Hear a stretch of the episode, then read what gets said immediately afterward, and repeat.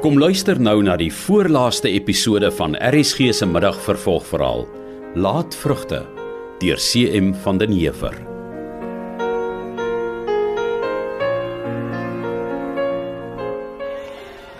Daar's 'n ding wat ek vir niemand behalwe vir jou sal sê nie. Ja, meneer. Ek glo nie Maggie loop reguit pad met my nie. Meneer, Ek dink my vrou. Ek dink sy het 'n ander man in die oog. as dit so is dat mevrou Maggie meneer weet rondloop. Dit is so. Hoe weet meneer? 'n Mens weet mos as jou man of vrou ontrou aan jou is. Nee, ek sal nie weet nie, meneer. Rebecca is nie 'n vrou wat sulke goed doen nie. En hoe weet jy dit?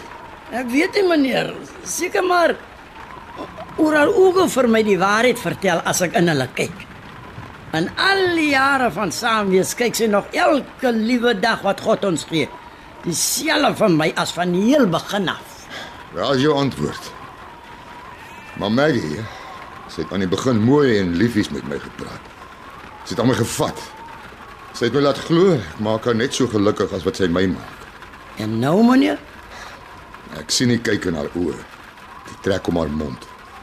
Dit walg haar as ek naby haar kom. Sy gril vir my. meneer dink dis oor sy by iemand anders wil wees. Ek dink dit nie, ek weet dit. Sy praat dan glad partykeer van hom. Meneer? En wat sê sy dan? O, oh, Dries is in die polisie. Dries doen sulke gevaarlike werk. Dries dit en Dries dat.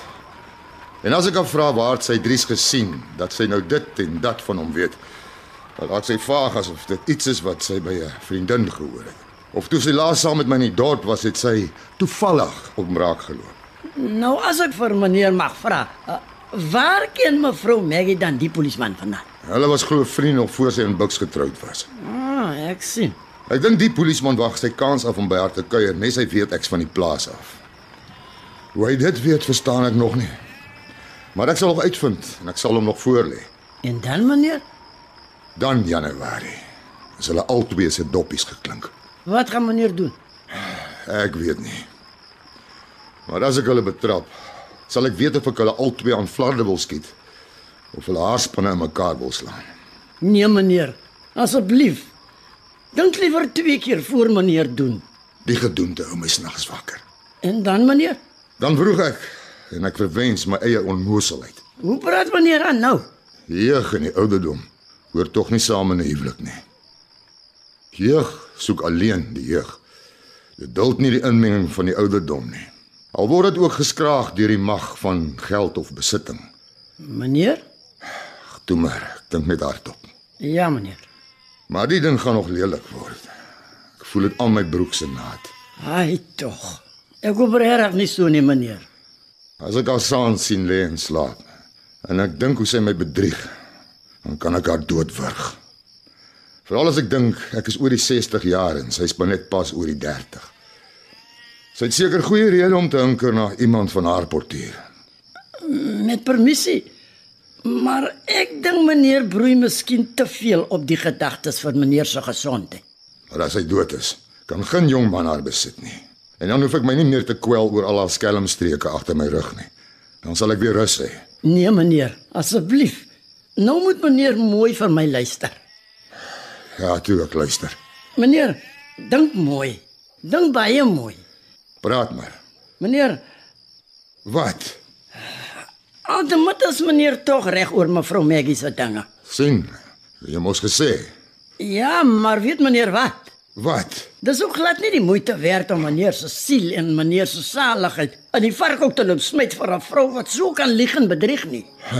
Nee, seker nie. Nee, dit is nie meneer. Laat sy maar alleen varkhout toe voeter.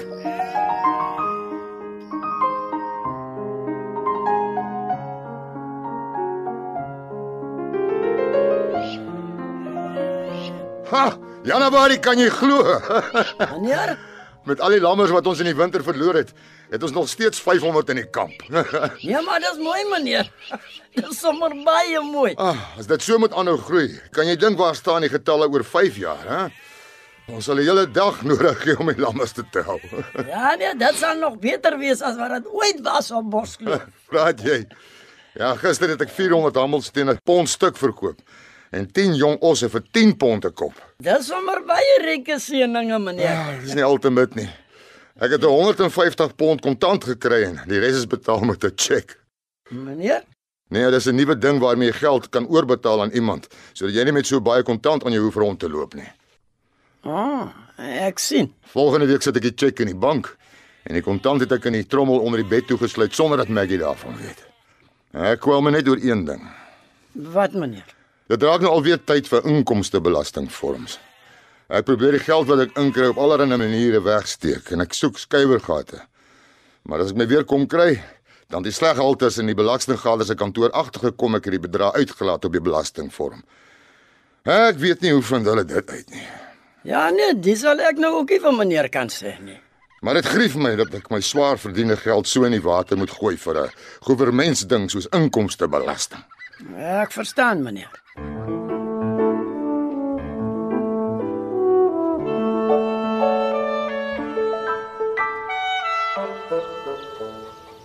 wil geld hê vir klere. Kyk hoe lyk ek. Kan jy nie sien ek is besig met belangrike sake nie? Hoekom kyk jy so na my? Hoe? Soos 'n wilde dier. Want jy steur my en ek is besig om dinge uit te reken vir die belastingopgawe. Oh, wil jy nie maar vir my geld gee vir klere nie? Maar is jy dan doof? Gaan neel by iemand anders. Het die ou man dalk snif in die neus gekry dat Dries by my kuier? Wat het hy bedoel met gaan neel by iemand anders? Miskien moet ek maar vergeet van wat ek dalk kan erf en Gertie se raad volg. Pa sal seker verstaan. Toe toe toe, wat staan jy nog hier? Ek wil maar net sê Toe maar sy brand. Dis nie meer nodig om vir my geld vir klere te gee nie. En dat jy iets sou kry nie. Ek sê indringer. Ek sal myself met oorgee aan die donker mag van die voorgeslagte wat in sy brand werk of ek sal moet vlug. Ja, die ellendige Annie se vervloeking. Dries, ek mis jou. Ek verlang na jou arms. Hoor jy wat ek sê? Ekskuus. Daar's van my skape weg. Ek gaan hulle soek en sal seker eers teen laat vanaand terug wees. Eh, Ja, sy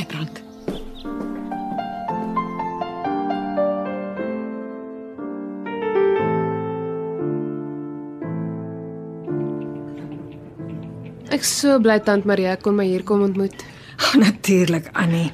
Ek's net dankbaar jy kon die enpad hierheen aflê want anders weet ek nie hoe het ons gepraat gekry nie. Oom Gert gebruik ons maar die perdekar waar hy kan vir sy ou loswerkies. Tant het so laat weet ja. Is hom geld daar besig? Ja, so amper elke dag ietsie vir hom om te doen. O, dis goed. Uh, wat doen hy presies? Ag, jy weet, uh, ietsie hier aanry en uh, goed wat die ryk mense uitgooi wat hy kan verkwansel daar. En so gaan dit maar aan. Ek sien. Ehm uh, hoekom ek tante wou sien? Uh, Ja? Die boodskap het nogal geklink of dringend is. dit is ja tant Maria. Nou goed, ek is die een ore. Tante moet asseblief nie vir my lag nie. Natuurlik nie, kind. Hoe lank gelede het tante my pa gesien? Jong, Annie, ehm ek kan nou nie so presies onthou nie, maar uh, ek sou sê dit was seker 'n goeie 6 maande gelede. Hoekom vra jy? En hoe het toe vir tante gelyk? Goed sou ek sê. Ons het eintlik baie lekker gekuier en uh, ek het gevoel ons het mekaar weer gevind. Ons het in mekaar se oë gekyk en dit was amper soos toe ons kinders was.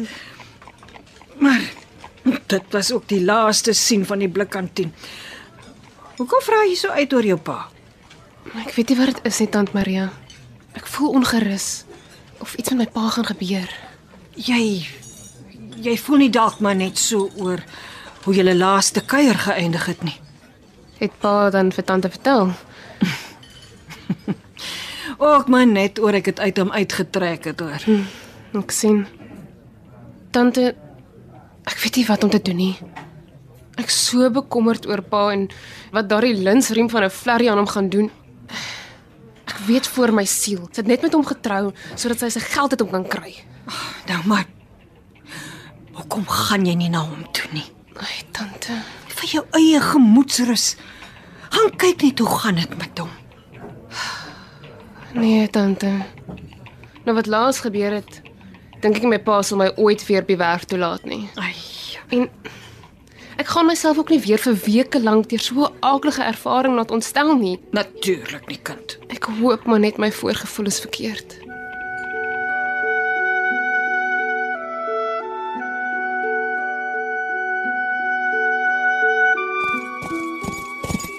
Ag, jou aklige ou man. Jy dink jy kan baas speel oor my. O, jy maak 'n lelike fout. Gaan 'n bietjie kyk wat steek jy so weg in daardie trommel onder jou bed. Jou ou sot. Jy dink mos ek weet nie van die trommel nie. Ek seker jy bære sommer baie geld en juwele daarin. Wonder of een van hierdie sleuteltjies die slot oopsluit. Of dra jy die sleutel by jou? Wie weet. Dalk is ek gelukkig. Sjoe. Swaar. Seker van al die geld daarin. Kom ons kyk of een van jou oulike ou sleuteltjies die slot oopsluit. Uh, nie die een nie. Ook nie die een nie. Die een kan ek sommer sien is te groot. Oh, verdomp, nie een van hulle pas nie. Ah, Wie kan dit wees? Wag, gou die trommel terugstoot onder die bed. So ja. Wie kan dit wees wat so hard klop? Kan tog seker nie sy brand wees nie. Hy sal mos nie klop nie. Ek kom. Ek nou daar. Wie kan dit wees? Ek hoop dit is moeilikheid nie. Ja, ja, hou op klop.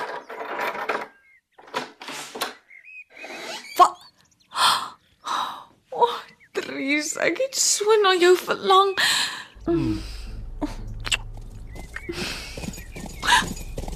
Gou, maak dit weg kom Dries. Dis sy brand.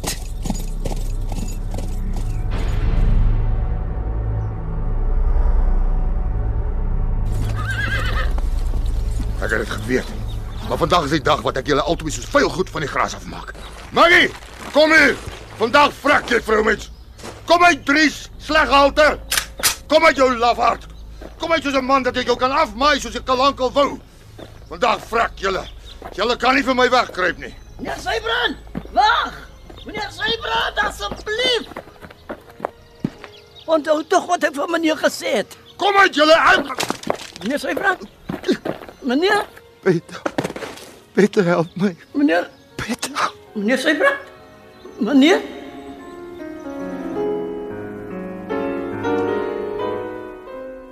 Dit was die voorlaaste episode van RSG se middagvervolgverhaal Laat vrugte deur CM van den Heever. Die boek is in 1939 uitgegee deur Nasionale Pers.